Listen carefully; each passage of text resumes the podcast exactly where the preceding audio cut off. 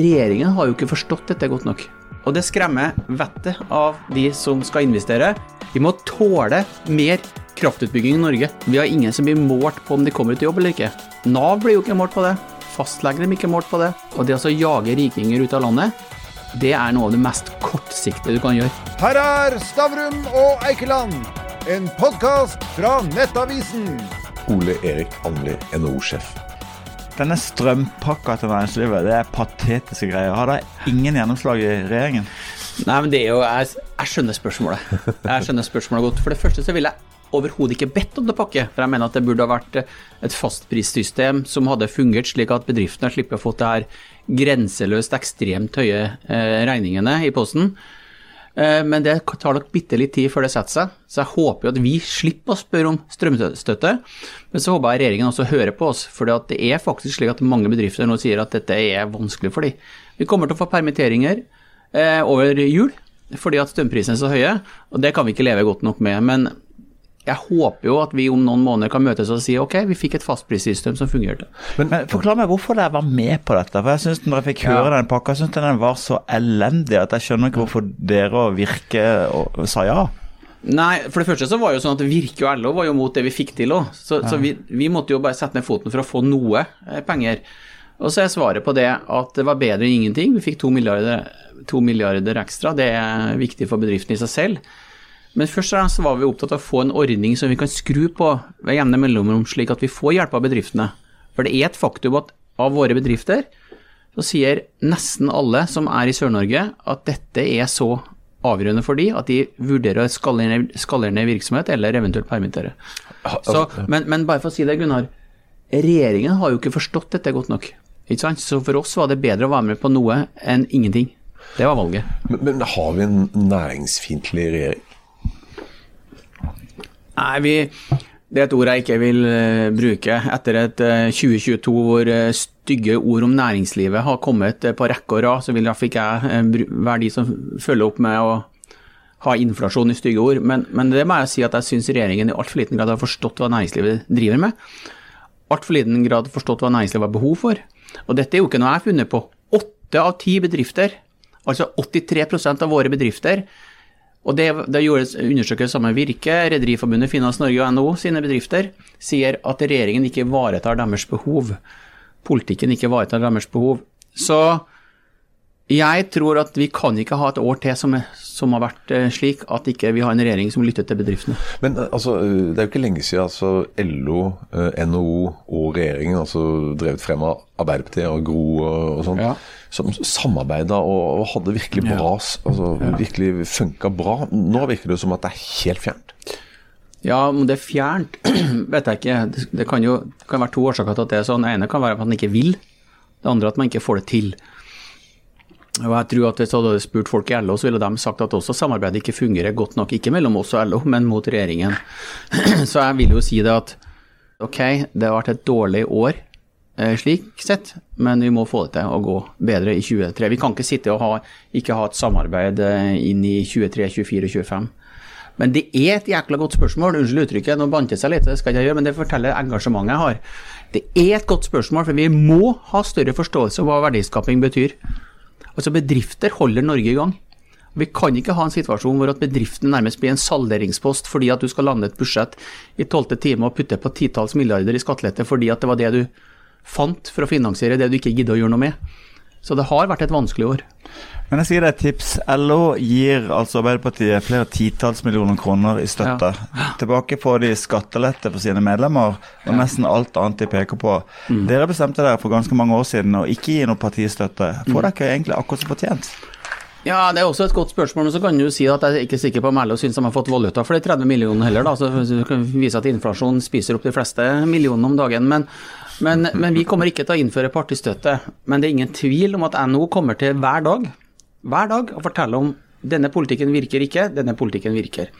Og politikk betyr noe. For det vi ser, ikke bare i Norge, vi ser det hele Europa, at politikk påvirker næringslivet i mye større grad nå enn for noen år siden. Så hvilken politikk skal vi ha? Jo, vi må ha en politikk som støtter opp om bedrifter og private eiere. Når private eiere drar fra Norge, så får man nesten inntrykk av at det er noen som klapper dem på skuldra og sier ha-ha, de drar. De må få dra hvis de vil, men de drar. og det er dårlig nytt for Norge. Ja. Og det har vært en forferdelig situasjon i høst, at flinke, flinke huer da, drar ut av Norge. Det er ikke bra. Men, men altså, hvis, hvis, vi går tilbake til dette her eh, strømprisene og sånt. Eh, dere, altså NHO, pressa jo på for at Norge skulle bli en del av det europeiske kraftnettet. Ja. angrer dere på det nå? Ja, Vi var ikke alene om det. Nei, nei, nesten, men, alle, eh, nesten, alle som, eh, som, sier at det er en dårlig idé nå, var jo med på det. Det var jo til og med en Senterparti-statsråd som var der og vedtok at vi skulle få disse kablene eh, ut av Norge. I det store og hele har de tjent oss veldig godt. Det har vært med på å holde prisen ned i perioder hvor vi har hatt behov for å importere. Det kommer vi også til å se når vi oppsummerer 2022. Det har vært mye kraftimport eller mye strømimport til Norge som har gjort at vi holdt prisene ned.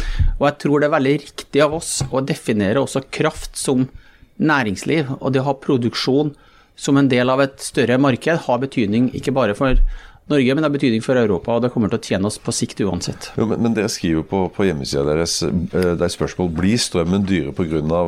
ACER, ikke sant, dette samarbeidet? Ja, og det blir den ikke. Det blir ikke den der? Nei. Overhodet ikke. ikke det hele tatt.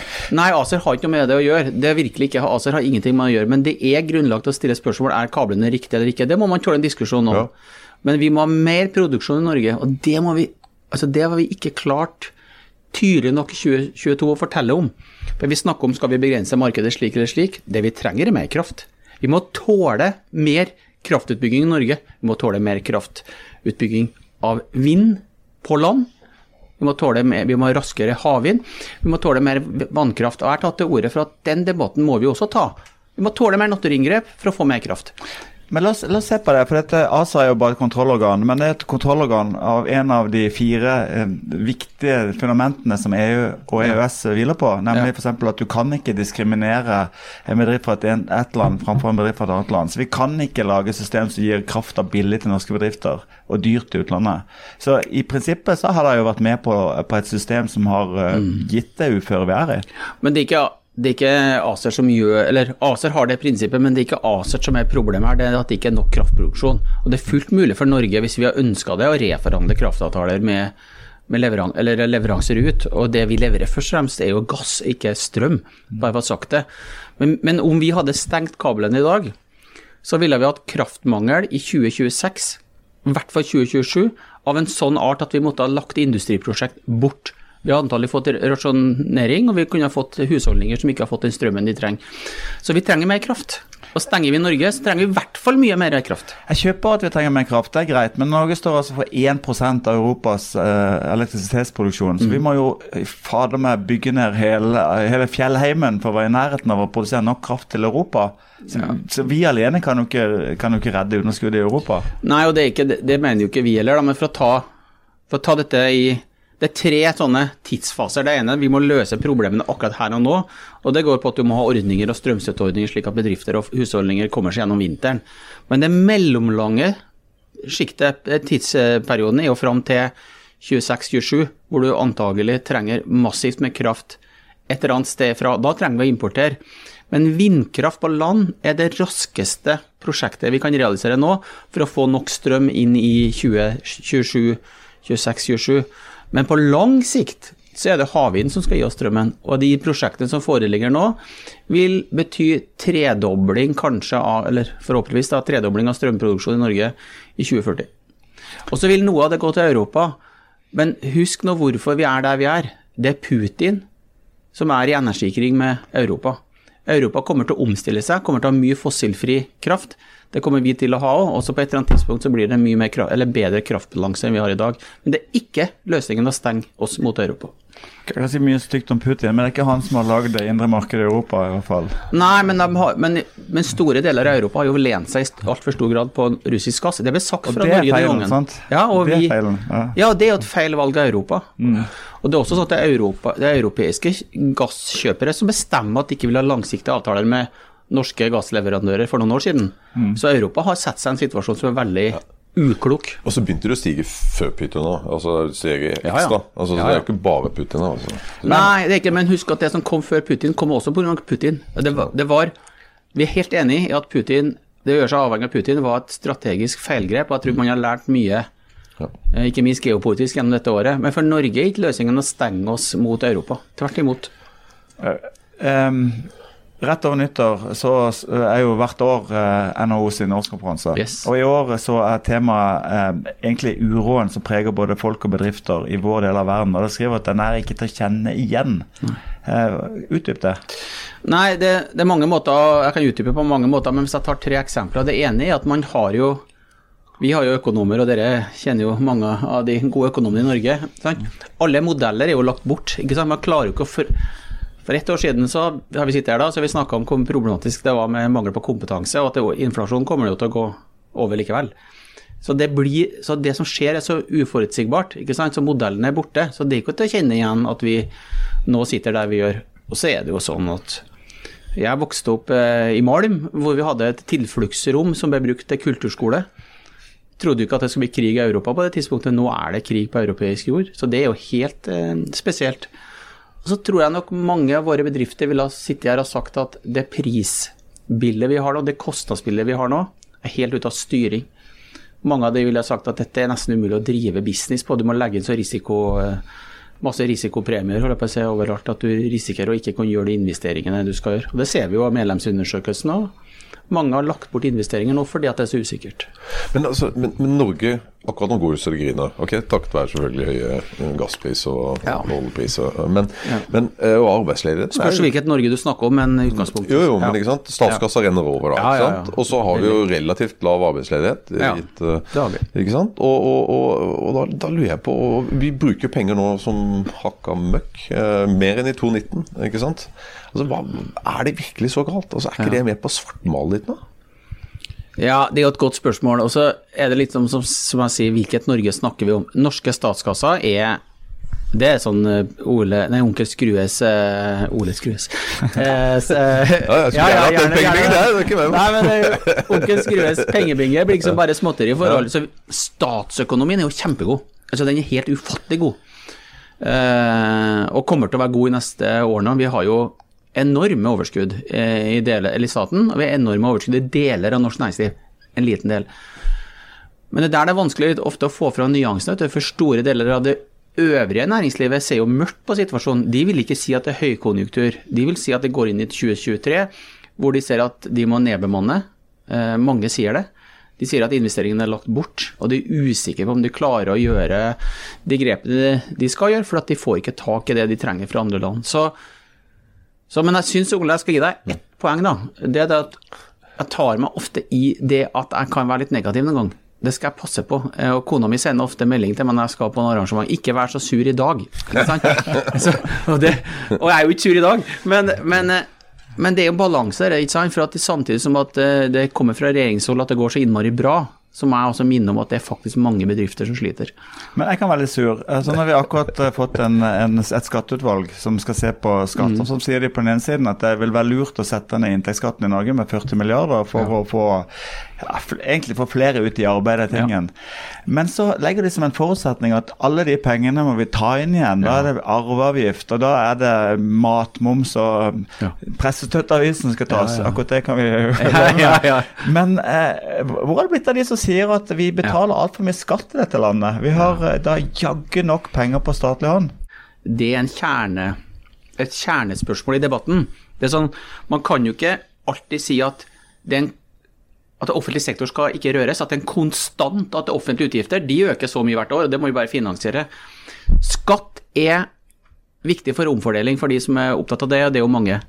Men skatt brukes jo for å finansiere noe, og da må man også tørre å stille spørsmål med hva er det man finansierer. Driver man med drift, så må man kutte kostnader. Staten må være mindre om ti år enn i dag. Det må være færre ansatte, tjenestene må være mer på private hender. Du må tørre å si at dette skal flyttes ut, eller ikke drives eh, fra statens, på statens hånd. Noe må du rett og slett digitalisere bort. Masse du kan gjøre. For du må si, jeg vil, eller jeg vil si da, Skattenivået må være lavere i Norge. Vårt veikart, som vi kaller neste trekk, som går fra 2020 til 2030, skisserer at vi skal ned i skattetrykk på 100 milliarder kroner. Per nå så ligger vi dårlig eh, på skjema. Hvis du, si. hvis du, ikke vil si at regjeringen var næringslivsfiendtlig, så kan vi i hvert fall være enige om at den er statsvennlig. Veldig. Vi overtar jo den ene private oppgaven etter den andre. Ja. Eh, og vi bruker jo Skatteinngangen har jo ikke vært større noensinne. Vi bruker al aldri brukt så mye penger. Ja. Allikevel så framstilles det som om det blir en sultefòra offentlig sektor. Jeg forstår ikke at de kommer gjennom med det. Nei, og Vi er nødt til å snakke mer om det, Gunnar. For, det, for det er nesten sånn at man hvis man begynner å snakke om offentlig sektor, så blir man jo tatt for å være en fiende av staten. Fiende, sånn. Jeg mener jo at Norge har, Norge har et, en god historie på et godt samarbeid mellom privat og offentlig. Vi stoler jo, vi har byråkrater som ikke er korrupte. Vi stoler jo på dem. Det så vi under pandemien. Vi stoler på rådene fra offentlig sektor, eller fra helsemyndighetene. Men de må tørre å si at offentlig sektor må bli mindre. Vi må tørre å diskutere om skattetrykket er for høyt. Og vi må gjøre det på en sivilisert måte. Jeg mener at uh, regjeringen er altfor statsvennlig. Regjeringen burde sluppet næringslivet til. Vi har en god tradisjon på at man legger rammer til grunn for hvordan man skal drive, så får bedriftene drive eh, for egen regning. Vi hadde akkurat besøk av Inge Hansen, tidligere stat, uh, Statoil-sjefen og Equinor-sjefen. Uh, og han mente at kutt 25 i byråkratiet, i statlig byråkratiet, så er iallfall det er en start. Man må effektivisere. Er det noe du syns man bør gjøre? Ja, jeg mener at vi, jeg, det, har jo vært i mediebransjen hvor vi måtte kutte fordi at det plutselig så var annonseinntektene borte. Det er jo sånn det er i næringslivet. Om det er 25% vet jeg jo ikke. Men jeg er enig i kutt i byråkratiet. Men det er like viktig å kutte den øvrige offentlige pengebruken. For, den, for det at byråkratiet er egentlig en ganske liten del av kostnaden. Jeg mener at man må tørre å stille spørsmål har vi, er ytelsene for høye på deler av de ytelsene som man får ved å være utenfor arbeidslivet. Det må man tørre å si.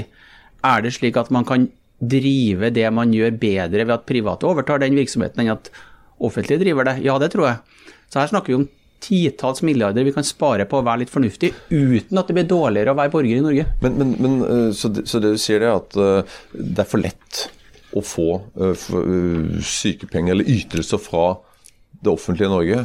Så, så du mener ordningen er er for gode, eller hvordan vil du løse Nei, men, det? Vil, om det er for lett, det vet jeg ikke, men jeg tror f.eks. at fastlegene burde blitt målt på om de får folk tilbake i jobb, og ikke bare får folk ut i syke, sykefravær. Vi har nok i Norge kommet i en situasjon hvor at det som egentlig er et kompetanseproblem, blir kalt et helseproblem. Jeg tenker jeg møter masse folk som er utenfor arbeidslivet som egentlig vil inn i arbeidslivet. Isteden så er det sånn at hvis du er her utenfor arbeidslivet, så er det så langt opp for å komme deg inn i jobb. Vi må jo ha flere veier inn i arbeidslivet. Og Der mener jeg regjeringen går i feil retning. De gjør det vanskeligere med innleie. De fjerner muligheten for midlertidige ansettelser. Vi må jo få folk ifra utenforskap inn i jobb. Og da må vi ha ytelser som stimulerer dem til å komme inn i jobb. Vi må ha ordninger som gjør at de kommer inn i jobb, istedenfor at vi sitter her nærmest og ikke tør å snakke om det som er en skam for samfunnet, at det er så mange utenfor arbeidslivet. For, for, å ta det poenget da, Skatteutvalget sier jo at Norge er det landet i OECD som har en høyest andel folk utenfor mm. arbeidsmarkedet i, i arbeidsdyktig alder. Yes. Hva kommer det av? Det kommer nok av mye av det jeg sier. Det kommer av at vi har ingen vi har ingen som blir målt på om de kommer ut i jobb eller ikke. Nav blir jo ikke målt på det. Fastlegene blir ikke målt på det. Vi eh, både Nav og fastlegene lever jo at de ikke kommer ut i arbeid. Ja, de gjør det. De gjør det. Og jeg mener at de burde ha blitt målt på å få folk tilbake i jobb. Og så mener jeg man tørre, må også her tørre å diskutere er ytelsene slik sammensatt at de faktisk da ender med at folk får komme seg inn i jobb. Og så mener jeg regjeringen må ta massiv selvkritikk for at de gjør det vanskeligere å komme inn i arbeidslivet. Jeg har mange bedrifter jeg, som med glede tar imot folk som er utenfor. Hvis man kan gjøre det med ordninger som gjør at man kan få lov å prøve seg først, og så se hvordan det går. Det er jo helt Altså, det innleieforbudet og den måten man gjør det vanskeligere å komme inn i arbeidslivet med å fjerne bl.a. midlertidig ansettelse, det kommer til å stå igjen som en utrolig dårlig løsning. Det er ille. Og det skader folk som er utenfor arbeidslivet. På meg kan det virke som i den offentlige uh, debatten uh, at de rike skal tas. Ja. Altså at det er blitt av det. Mm. At uh, Egentlig litt sånn fra, fra venstresiden. Du, du mm. så det i Oslo også. Nå, ja. De siste syv årene er det vel de har styrt. Så har det vært Raymond Johansen det, så har det vært øst mot vest i mye større grad sånn retorisk. Altså de rike mot de ja, litt mindre rike, da. Ja. Er ikke det et vanvittig stort problem? Ja, jeg syns, øh, syns, du peker på noe av det som dessverre har vært veldig leit med 2022, Ole. Og det er det at du har kommet gjennom 2022 med et politisk ordskifte som jeg mener har vært mer splitt og hersk, som har vært vi eh, mot dere. jeg mot deg, det er utrolig unorsk. Vi er fem millioner i landet, vi har nå stort sett klart å samarbeide godt. Vi har et tillitsbasert samfunn, og vi har av og til krangla litt, men vi har klart å holde sammen. Isteden så har det et ordskifte nå som skiller folk. Og det med 'nå skal vi ta rikingene', det er jo helt ufattelig. Det er helt ufattelig. Det er jo ikke norsk eh, retorikk. Det er så unorsk. Så jeg tror at en av hver må gå i seg selv etter dette året her og si at eh, ja, vi sa kanskje ting i 2022 som var litt i tøffeste laget. Nå legger vi det bort, og så samarbeider vi om gode løsninger. Og det å jage rikinger ut av landet, det er noe av det mest kortsiktige du kan gjøre. Altså Det er sånn paradoksalt at du ender opp med at det blir mindre forskjeller i landet for at du tar folk ut av landet som har kapital. Og det verste med det er jo ikke kapitalen de tar med seg, det er jo det av de klokeste og smarteste huene vi har, som går ut av Norge fordi at det er uforutsigbart, og fordi at de opplever at de ikke blir verdsatt. Så jeg synes det er forferdelig trist. Det er, det, det er, et interessant poeng det du sier, at for hver milliardær som flytter ut av Norge, så på en måte øker jo likheten i Norge. Ja, ja. Eh, men, men motsatsene er jo en ting som faktisk har gått ganske mye under radaren. I, I, år så kommer det til å komme rundt 35 000 asylsøkere fra Ukraina til Norge. Ja. Det, og UDI tror det blir omtrent like mange neste år. Og Spør du de, så vil veldig mange av de ønsker de vil å få bli i Norge. Mm. Hvordan skal dine bedrifter få ansatt de folkene? Ja, Det mener jeg også er et godt spørsmål. for vi, det er jo sånn paradoksale Mange av spørsmålene der, dere viser jo det paradoksale vi står i nå. Det ene at vi det går egentlig bra, men så går det dårlig. ikke sant? Det andre, bedriftene trenger massivt ny arbeidskraft. Får ikke tak i det. Samtidig som det kanskje skal nedbemanne. To av tre av våre bedrifter sier at de får ikke tak i den kompetansen de trenger. Mange av de lar være å skalere opp virksomheten sin fordi at de ikke får tak i de. Så vi må være mye flinkere i landet her til å få de som er utenfor arbeidslivet inn, og de som kommer inn i landet fra Ukraina bl.a. må ut i arbeidslivet fort. Og Det må gjøres at det er lettere å komme inn i arbeidslivet. Vi må ha regler, og det har vi ikke, som gjør at det er lettere for de som er utenfor det såkalt tredjeland utenfor EU, å komme inn i jobb. Og så må vi legge til rette for at de kommer inn og lærer seg og det å være i jobb. For blir du utenfor arbeidslivet i noen år, så er du utenfor arbeidslivet for alltid. Dette er folk som vil, det vet vi, folk som vil jobbe. Mange av de har jo gode jobber der det er. Altså det, det sjokkerende er jo en statistikk som viser at hvis du er langtidssykemeldt i over ja. seks måneder, så er jo oddsene på å komme tilbake i jobb faller jo bratt. Veldig. Så hvis du kommer da fra Ukraina og blir et år eller to utenfor arbeidslivet, så er jo oddsene dine ganske dårlige. Ja, det er veldig dårlig. og vi gjør jo de en bjørnetjeneste, og vi gjør oss selv en bjørnetjeneste. Og da mener jeg jo at da bør istedenfor å holde Istedenfor å beskytte en slags arkaisk eh, tilnærming til arbeidslivet, eh, så bør man heller bestemme seg for at man skal ha det inn i arbeidslivet. Dette er arbeidskraft vi trenger. Flinke folk. Altså Ukraina er blant de, den befolkningen i Europa som har høyest IT-kompetanse. Så mange der som kunne ha jobba i bedrifter hos oss og gjort det veldig bra og hadde gode liv selv. Men altså, politikerne og regjeringen spesielt, de, de snakker jo om nyskapning og innovasjon. Mm. Det er viktig for dem. Ehm, hvordan opplever du at realiteten er? Nei, Jeg opplever at det er altfor lite fokus på det. Jeg mener at Hvis vi oppsummerer året her, eh, fra et sånn politisk perspektiv, så har det vært Første halvåret var å håndtere krigen og alt det som kom med det. Andre halvåret var å håndtere alle skatteskjerpelser man ønska å påføre næringslivet. Og Hvis vi ser blant annet en, eller et parameter da, Ole, på om man tar det på alvor eller ikke, er hvor mye bruker man og ønsker å legge til rette for digitalisering og, og, eh, i et samfunn. Ja, Både i offentlig sektor, men ikke minst i privat sektor. Og Der kan du gå til Sverige og Danmark, og ikke minst Finland. Da ser du en helt annen holdning til det. Så per nå så mener jeg at vi stimulerer for liten grad til nye gründere. Vi har altfor dårlig politikk for de på scaleup, de som går fra gründere og skal bli scaleup. Og vi er altfor lite opptatt av å bruke teknologi som et verktøy for å modernisere Norge. F.eks. når man sier at det skal være eller når offentlig sektor skal være like stor som den har vært før, og pluss det man vokser for hvert år, så er man ikke villig til å se hvordan digitalisering f.eks. kan føre til at du har en mer effektiv bruk av offentlig sektor. Og der kan private bedrifter bidra. Så per nå så mener jeg at eh, mange politikere snakker mye om innovasjon og teknologi og sånn, men det er veldig lite som blir gjort. Og så tror jeg ikke, så skal jeg gi dem litt, litt slakt da, det at det har vært et tøft år. Men jeg kan ikke sitte her om et år og gi dem eh, slakk. Og om et så må det skje mye. Hva syns du er slem? De har jo tross alt oppretta lærerutdanning på Nesna. ja, ja, du ser jo at det er god plass utpå der. For det var ikke så mange som søkte dit. men, men, du, du, nevnte jo Sverige. De, altså, de har jo Spotify bl.a. Og ja, ja. har vært flinke på å få frem eh, tech-selskap. De har jo fått way back så er det jo Klarna er jo et kanoneksempel, annet. Hva, hva, skal til for at vi skal klare å, å, å, få gjort det samme i Norge, og at det blir norskeid? Ja, det, det syns jeg er et kjempegodt spørsmål. og i Norge så har det blitt litt sånn at, at du måler suksess på at du, selv, at du, kommer på side 14 i Dagens Næringsliv og kan fortelle at du har solgt selskapet til en annen. Ikke sant? Det er sånn, Du står sånn, og så har du solgt selskapet ut av Norge. Vi er jo vi er dårlige på gründerskap, men vi er elendige på scaleup i Norge. Så scaleup er vi jo blant de dårligste i den delen av Europa som vi hører til. da. Jeg tror, jeg tror, Hvis jeg skal gi et kort svar på hva som skal til, så tror jeg vi må i hvert fall teste skattesystemet på fungerer det bra for gründere eller ikke. Og For å ta et eksempel. da, Du har et selskap, eh, du har en idé, du ansetter fem stykker. Du ansetter 20 år etterpå. Du ser at du må ha investorer inn på eiersiden for å ta det steget fra 20 til 70, 80, 100. Da blir det en emisjon. Det du da verdsetter selskapet på i emisjon, det er jo framtidig verdi, og så blir du skatta for det. Ikke sant? Det, det, det er jo tullete. For du ender altså opp da med at du blir skatta for en verdi som du ikke har realisert engang, og hva gjør du da? Ja, du selger selskapet.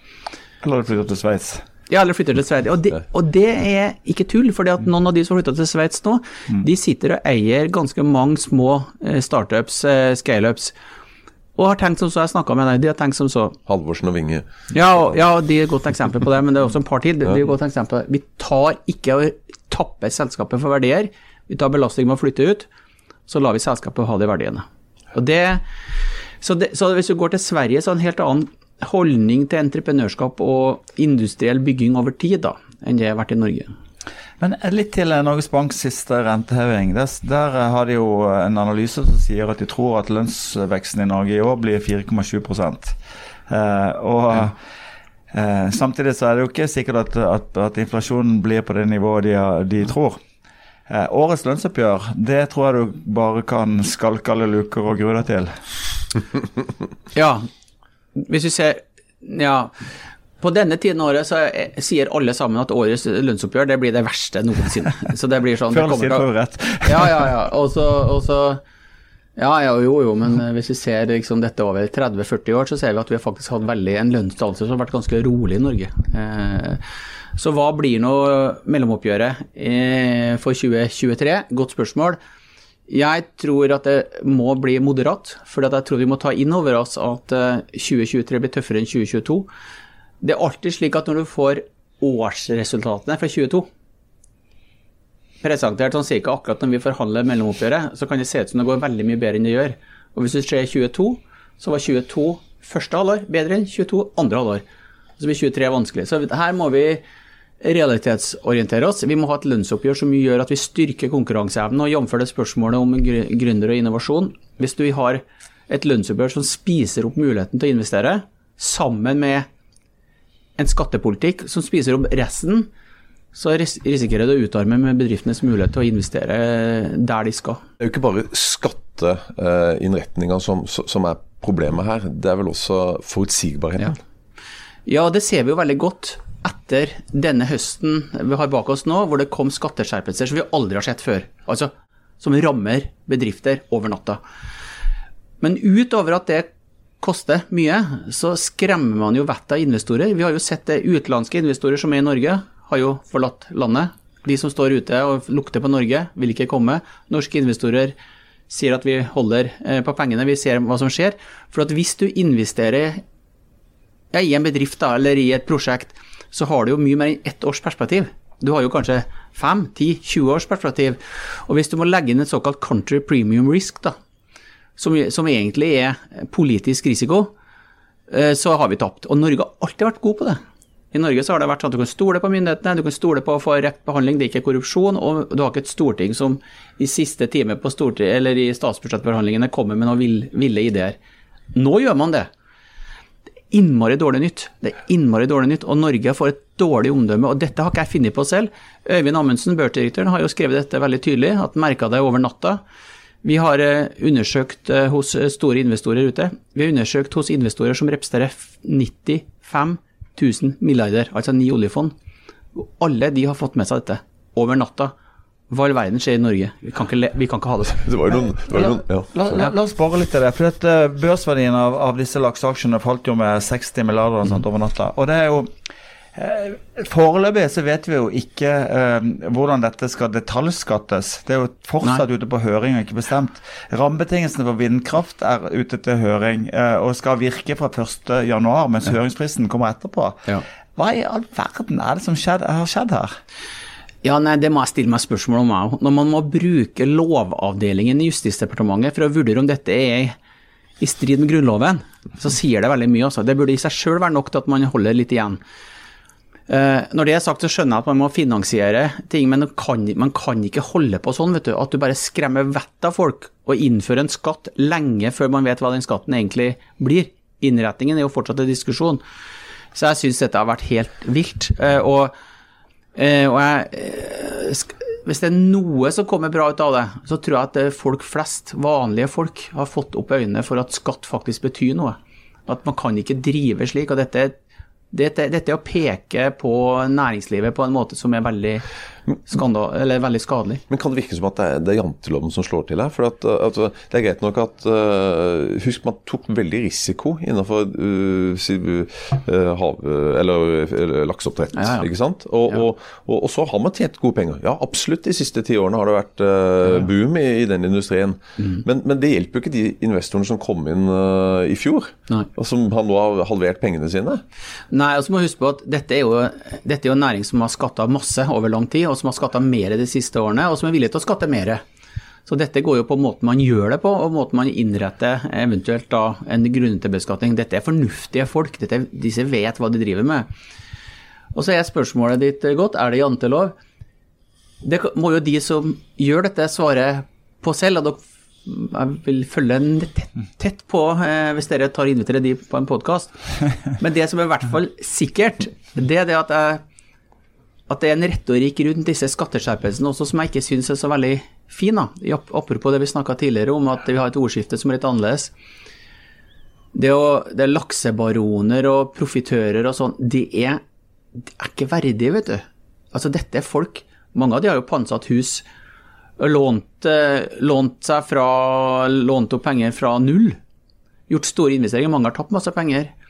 Og så har de lyktes. Og så investerer de i ny eh, industri så man må behandle det ordentlig. Det, og det syns jeg kanskje har vært litt sånn urovekkende, hvordan det ordskiftet har vært rundt spesielt den saken her. da. Vi har jo til og med lovfesta i Norge at, at, utredninger skal skje ja. forsvarlig i offentlig sektor. Yes. Og så bare blir ting vedtatt over natta. Ja. Men en ting som jeg syns er interessant, det er at uh, vi, har, vi, har, hatt et prinsipp i Norge om at selskapsbeskatningen skal være nøytral mellom bransjer. Uh, for, så, for, å sikre at pengene går ja. der det er høy, høy fortjeneste. Men her blir det på en måte argumentert med at disse bransjene er så lønnsomme at det skulle jaggu bare mangle at de ikke betaler mer skatt. Det syns jeg er veldig prinsippløst. For grunnrente er én ting. det kan du diskutere teoretisk om det er riktig eller ikke, men at du skal ha nærmest progressiv selskapsbeskatning, det er en ny tanke. Ja, eller en slags sånn moralsk tilnærming til hvordan man betaler skatt. Fordi at skatt Altså, Hvorfor skattlegger man jo? Det gjør man fordi at man finansierer et eller annet, og så fordi at man ønsker omfordeling. ikke sant? Og Så kan man jo diskutere seg gul og blå på hvor stor den skatten skal være. Jeg mener at den skal være vesentlig mindre, men likevel, da. Men det som kjennetegner et godt skattesystem, det er at det er utredet godt av fagfolk, gjerne fagfolk som har forskjellig inngang til det. Det er en god og lang høringsprosess hvor alle blir hørt, og hvor det er gode diskusjoner, og man ofte ender opp med et godt og bredt forlik i Stortinget. Ikke sant? Hvor man faktisk da over partigrensene finner gode løsninger. Det betyr at da tåler det stortingsvalg, eller to eller tre. Det er jo det vi har sett av skattesystemet i Norge, og det har vært et veldig godt skattesystem. Og det å drive en slags politikk Nå tjener du mye penger, nå skal du få dette, nå, nå skal vi ta deg der. Og hvis vi sitter med SV på slutten en sen kveld, så tar vi noe der òg. Det er helt totalt unorsk skattepolitikk. Og det skremmer vettet av de som skal investere. Det blir uforutsigbart. Og da kan man være uenig om posisjon, men ingen er tjent med den uforutsigbarheten. Og det det, og hvorfor skjer det? Jeg tror det skjer bl.a. fordi de ikke skjønner hvordan bedrifter jobber. Jeg tror ikke de skjønner hvordan de driver forretningsmessig. Vi har altfor få som forstår at det å drive en bedrift, det er helt annerledes enn å drive politikk. Men litt, litt selvransakelse fra NHO sin del av det. Du representerer jo en stor og viktig medlemsorganisasjon. Eh, og allikevel så har må vi kunne si at 2022 ikke har vært året med flest seire til NHO. Nei. Har de gjort noe feil i måten de jobber på? Ja, nei, Det er helt riktig. og vi, vi, kjenner jo på det. Eh, og vi kjenner jo på det at, at, vi er nødt til å jobbe slik at vi får gjennomslag også når vi har regjeringer som kan være litt uenige med oss i viktige spørsmål. Jeg, tror at, eh, jeg har tro på trepartssamarbeidet. Eh, vi jobber bedre med LO enn med regjeringen av og til, det må bare sies. Samtidig så tror jeg nok at regjeringen og vi også må sette oss ned og prate sammen på fornuftig vis. Det har, det har betydning for bedriften og betydning for regjeringen. så La oss eh, oppsummere 2022 med at det har vært litt stang ut på både for den ene og andre, men at 23 kan ikke fortsette sånn. Så skal vi være flinkere til en ting, Gunnar, og det skal jeg ta selvkritikk på. For vi har også tatt litt for gitt at folk skjønner hvordan bedriftslivet er, hvordan det å drive business er. Og så har vi seila i skyggen av økt oljepengebruk hele gjengen. ikke sant? Vi er nødt til å fortelle folk i Oslo, i hele landet, om hva det betyr å drive bedrift. Vi må klappe på skuldra de private eierne som pantsetter huset sitt for å drive godt og som faktisk da bidrar til arbeidsplasser. Så der har vi en jobb å gjøre, hele gjengen. Men, men Gunnar, vi, vi, kan trygt si at uh, det har vært mer stang ut uh, for regjeringa enn NHO i, i, år. Ja, det har vel det, tross alt. ja, ellers det, Vi føler at det har gått ganske bra med oss, da. Men det, nå så jeg en av de siste målingene før jul her for regjeringen var jo trist lesing for de, så klart at de får um, rydde opp for seg. Men vi må samarbeide godt. Det er ikke noe annet å si. Du fikk Stavrum og Eikeland, en podkast fra Nettavisen.